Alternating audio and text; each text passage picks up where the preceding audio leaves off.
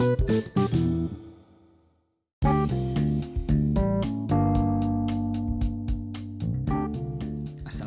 Tricker, kembali lagi bersama saya Hilmi yang akan menemani Anda selama 15 menit ke depan. Kali ini di Tips and Trick kita akan membahas mengenai hal yang sangat penting, yaitu CPNS. CPNS adalah singkatan dari calon pegawai negeri sipil ataupun dikenal juga dengan calon aparatur sipil negara. PNS merupakan pekerjaan yang dapat menjamin kita di hari tua. Oleh karena itu peminatnya pun sangatlah banyak. Dan pastinya akan ada tes yang harus dilalui seseorang untuk bisa menjadi CPNS. Dan tes tersebut bukanlah perkara yang mudah. Dan beruntung sekali nih, bersama kita telah hadir seorang narasumber yang merupakan seorang guru di sebuah sekolah, juga merangkap sebagai tentor CPNS yang telah meluluskan banyak siswa. Dan kebetulan sekali, beliau juga salah satu lulusan CPNS yang dilaksanakan pada tahun 2020 baru-baru ini. Mari kita sambut Bang Muhammad Fauzan Nur. Assalamualaikum Bang. Ya, Waalaikumsalam Ilmi. Gimana nih kabarnya? Eh, baik lah. Kita tegang kali ya kayaknya. ah, gak apa-apa Bang. Uh, pertama-tama Bang, selamat ya uh, atas kelulusannya di CPNS kali ini. Oke, makasih. Bagaimana perasaan Abang bisa lulus di tes CPNS kemarin Bang dengan nilai yang sangat memuaskan? Ya, maksudnya udah kayak ini ya, kayak uh, ujian sidang sangat memuaskan. Uh, Sebenarnya alhamdulillah ya karena memang uh, udah apa ya, udah berjuang kan udah hampir setahun nih. Jadi udah berjuang sampai udah hampir setahun. Jadi uh, SKD-nya kan kami kemarin uh, cukup lama dengan disambung dengan SKB gara-gara pandemi. Jadi uh, usaha, doa juga panjang kan. Jadi ya alhamdulillah terbu terbayar dengan lulus dan hasilnya puas. Puas untuk saya juga puas untuk uh, yang apa ya, yang belajar dengan saya kan saya tentor kan. Jadi uh, gurunya lewat, mereka juga bisa lewat ya alhamdulillah. Jadi Syukur berita, sekali, ah, ya. jadi berita baik lah untuk banyak orang. Jadi gini nih Bang, kan dalam tes CPNS ada berbagai tahap nih. Iya. Jadi kan uh, dalam tes CPNS kemarin, tahapan apa yang paling sulit dan apa tips Abang dalam menghadapinya? Oke, kalau misalnya ditanya eh, tahapan yang paling sulit, sebenarnya kan semua tahapan PNS sulit ya. Jadi kalau misalnya saya jabarkan eh, tahapan PNS itu ada pertama eh, administrasi, terus kita juga ada tes pertama yaitu tes SKD, yang kedua itu tes SKB. Jadi cuman ya tiga kali ujian lah ditambah administrasi mungkin yang tidak eh, dihitung ujian, jadi dua kali ujian. Tapi dua-duanya tuh punya challenging yang berbeda-beda gitu. Jadi kalau misalnya kita bilang eh, yang pertama SKD itu ya susahnya memang kita harus tiga pelajaran kita kuasain kan. Kalau misalnya satu lagi eh, SKB ya memang eh, bidangnya masing-masing gitu. Kalau misalnya saya bisa pilih yang paling sulit itu SKD atau SKB, saya harus bilang SKB. Kenapa? Karena belajarnya itu eh, banyak kan dibandingkan dengan SKD mungkin cuma tiga. Kalau misalnya SKB itu materinya luas ya. Terus ada juga kalau misalnya di, eh, di formasi saya SKB itu seleksi bidangnya itu uh, cuma uh, satu uh, materi ujian gitu CAT nama ujiannya. Kalau misalnya ada juga uh, yang di uh, formasi yang beda, mereka tuh ujian ada wawancaranya, ada psikotesnya. Jadi bagi saya yang SKB itu lebih sulit daripada Untuk SKB Abang sendiri uh, apa ada wawancara juga Bang? Nah, tidak. Kalau misalnya saya cuman ujian CAT seperti SKD tapi materinya lebih uh, luas dan dalam. Berarti SKB ini lebih susah ya Bang daripada Lebih SKD pada dasarnya? Iya, lebih susah. Jadi uh, abang nih sebagai mentor yang telah meluluskan banyak orang dalam tes yang sebelumnya. Kira-kira kendala apa ya yang akan menjadi tantangan terbesar bagi CPNS 2021 nantinya bila dilihat dari tes-tes yang sebelum-sebelumnya nih bang? Oke, oke, oke. Jadi kalau misalnya ditanya kendala, sebenarnya kan eh, yang paling menurut saya paling berkendala itu adalah jumlah formasi gitu.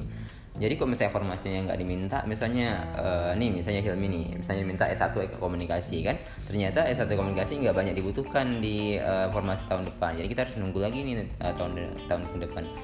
Terus juga persiapan. Nah, saya juga harus bilang SKD itu kok tadi saya memilih SKB lebih sulit, bukan berarti SKD tidak sulit ya. SKD itu kan yang paling pertama diseleksi otomatis yang paling banyak mengunggulkan eh, peserta. Jadi kalau misalnya persiapan yang kurang, terus memang kemampuan materinya, eh, kemampuan berhitung misalnya ya, eh, itu memang sangat kurang ya seperti menghitung-hitung materi dasar tidak bisa tidak bisa tidak kuat gitu. Jadi eh, jadi kendala juga. Jadi kemampuan pribadi juga jadi kendala.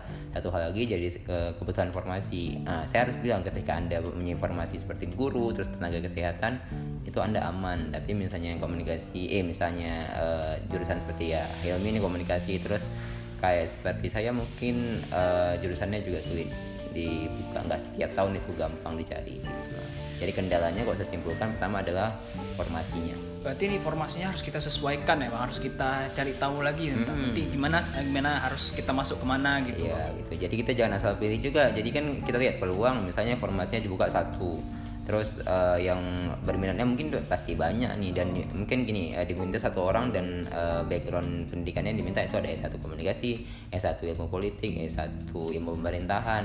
Nah jadi berebut untuk satu formasi di tiga jurusan bagi saya itu kecil peluangnya. Mending yang ngambil satu formasi cuma untuk satu jurusan gitu. jadi pandai-pandai kita lah bang ya dalam Iya memang. Makanya informasi. PNS itu kan eh, sebenarnya kok saya pribadi eh, sulitnya dibilang tidak sulit juga, tapi kalau misalnya dibilang mudah juga tidak mudah.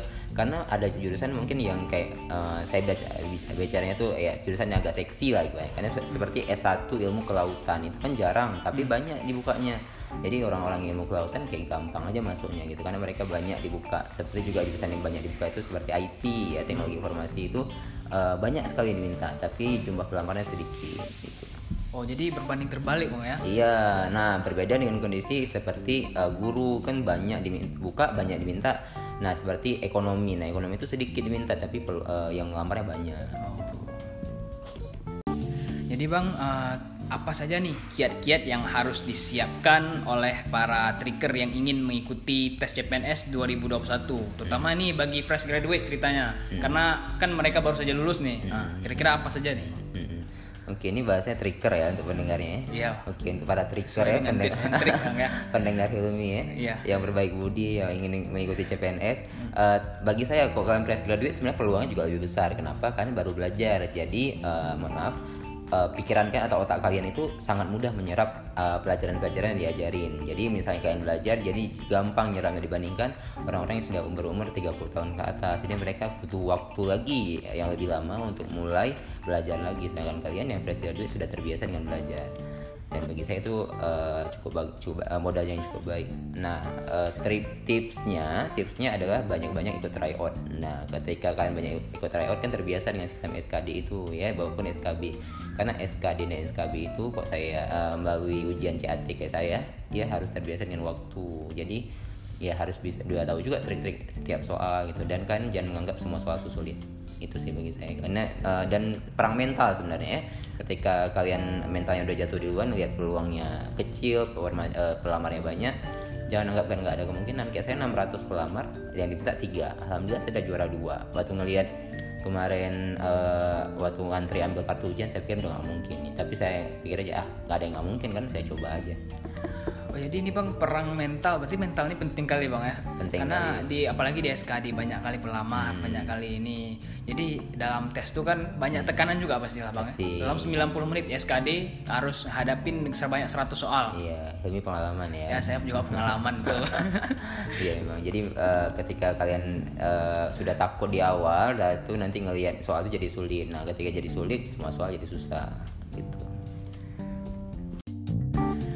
Nah, jadi bang apa saja nih saran dan juga harapan abang untuk para trigger yang ingin mengikuti CPNS de- 2021 kali ini?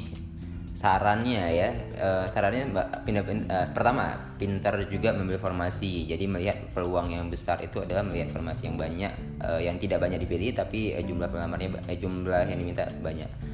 Memang kalau misalnya anda sebagai eh, pelamar dari formasi guru, peluang anda banyak. Tapi apabila anda pelamar dari formasi teknis ya, kan eh, dia tuh tiga, ada tiga bidang. Kalau misalnya PNS tuh ada tek- bidang teknis bidang pendi- pendidik sama bidang kesehatan. Kesehatan dan pendidik ini selalu rame dibuka gitu Eh, dan teknis ini yang banyak pelamar tapi sedikit dibuka gitu ya kayak teknis ini masuk teknik eh, fakultas teknik di situ fakultas komunikasi kayak Hilmi atau juga fakultas ekonomi juga fakultas kelautan gitu gitu pokoknya yang kerjanya fungsi eh, fungsinya fungsi teknis Lebih ke kayak tata usaha gitu bang? Ya gitu kayak administrasinya mungkin ya. Kalau misalnya yang guru kan memang profesi, kalau kesehatan memang profesi. Dan eh, itu agak sulit memang kita memilih pelamar. Jadi mungkin itu jadi kendala. Tapi eh, balik ke pertanyaan yang tadi bahwa memang saran-saran yang saya bisa pilih, eh saran-saran yang saya bisa kasih memang ketika memilih formasi harus berani mengambil di luar zona nyaman kita. Jadi ketika nanti mengambil yang dekat-dekat dengan kita aja itu gak sulit dapatnya. Kenapa?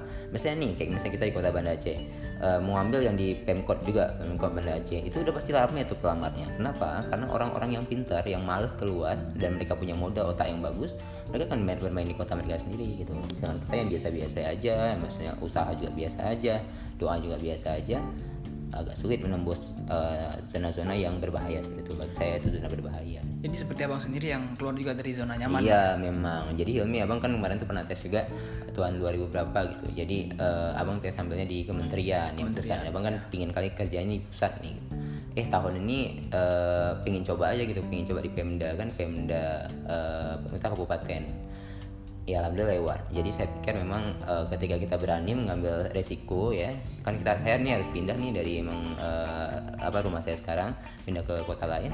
Dan uh, itu jadi peluang besar juga itu. Dan udah saatnya lah kita mengabdi untuk negara tapi ya harus uh, keluar dari zona nyaman. Jadi harus berani mengambil saran saya harus mengambil yang peluang lebih besar tapi uh, berisiko. Berisiko uh, juga harapan abang gimana nih untuk mereka yang ingin mengikuti? Hmm. harapan sekarang. Kok harapan saya memang uh, saya berharap apa ya? Kalau misalnya kalian kalau misalnya dari uh, yang ini juga saya nggak kenal juga kan. Kalau misalnya dari siswa saya mungkin yang ada dengar ini saya juga berharap kalian juga lewat. Apa pun posisi, posisi formasinya saya pinginnya memang lewat dan mendapatkan NIP bagi saya mungkin ya yang memang satu jalur dengan saya uh, pejuang CPNS atau pejuang uh, NIP ya bukan sekolah kedinasan kan maupun kalian PNS ya. Kan saya kan pengajar untuk sekolah kedinasan.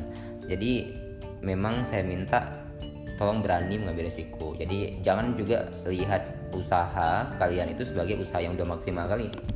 Kalian harus ingat bahwa memang di atas kalian itu banyak lagi yang berusaha kencang gitu. Jadi kalian pikir aku udah belajar mati-matian sudah doa bangun malam gitu ya. Ada lagi yang mungkin yang doanya lebih kencang pada kalian dan mereka lebih ikhlas berdoanya gitu. Oh, jadi atas. Hmm, kita masih ada lagi orang iya, lain. jadi banyak banyak orang yang berusaha banyak orang yang berdoa tapi yang paling berusaha yang paling berdoa itu pasti Allah yang tahu kan? Ya. jadi kita bilang kok misalnya saya bilang prinsipnya saya mana murid saya tahu gitu 60% itu bukan usahanya tapi doanya gitu 40% berusaha kita.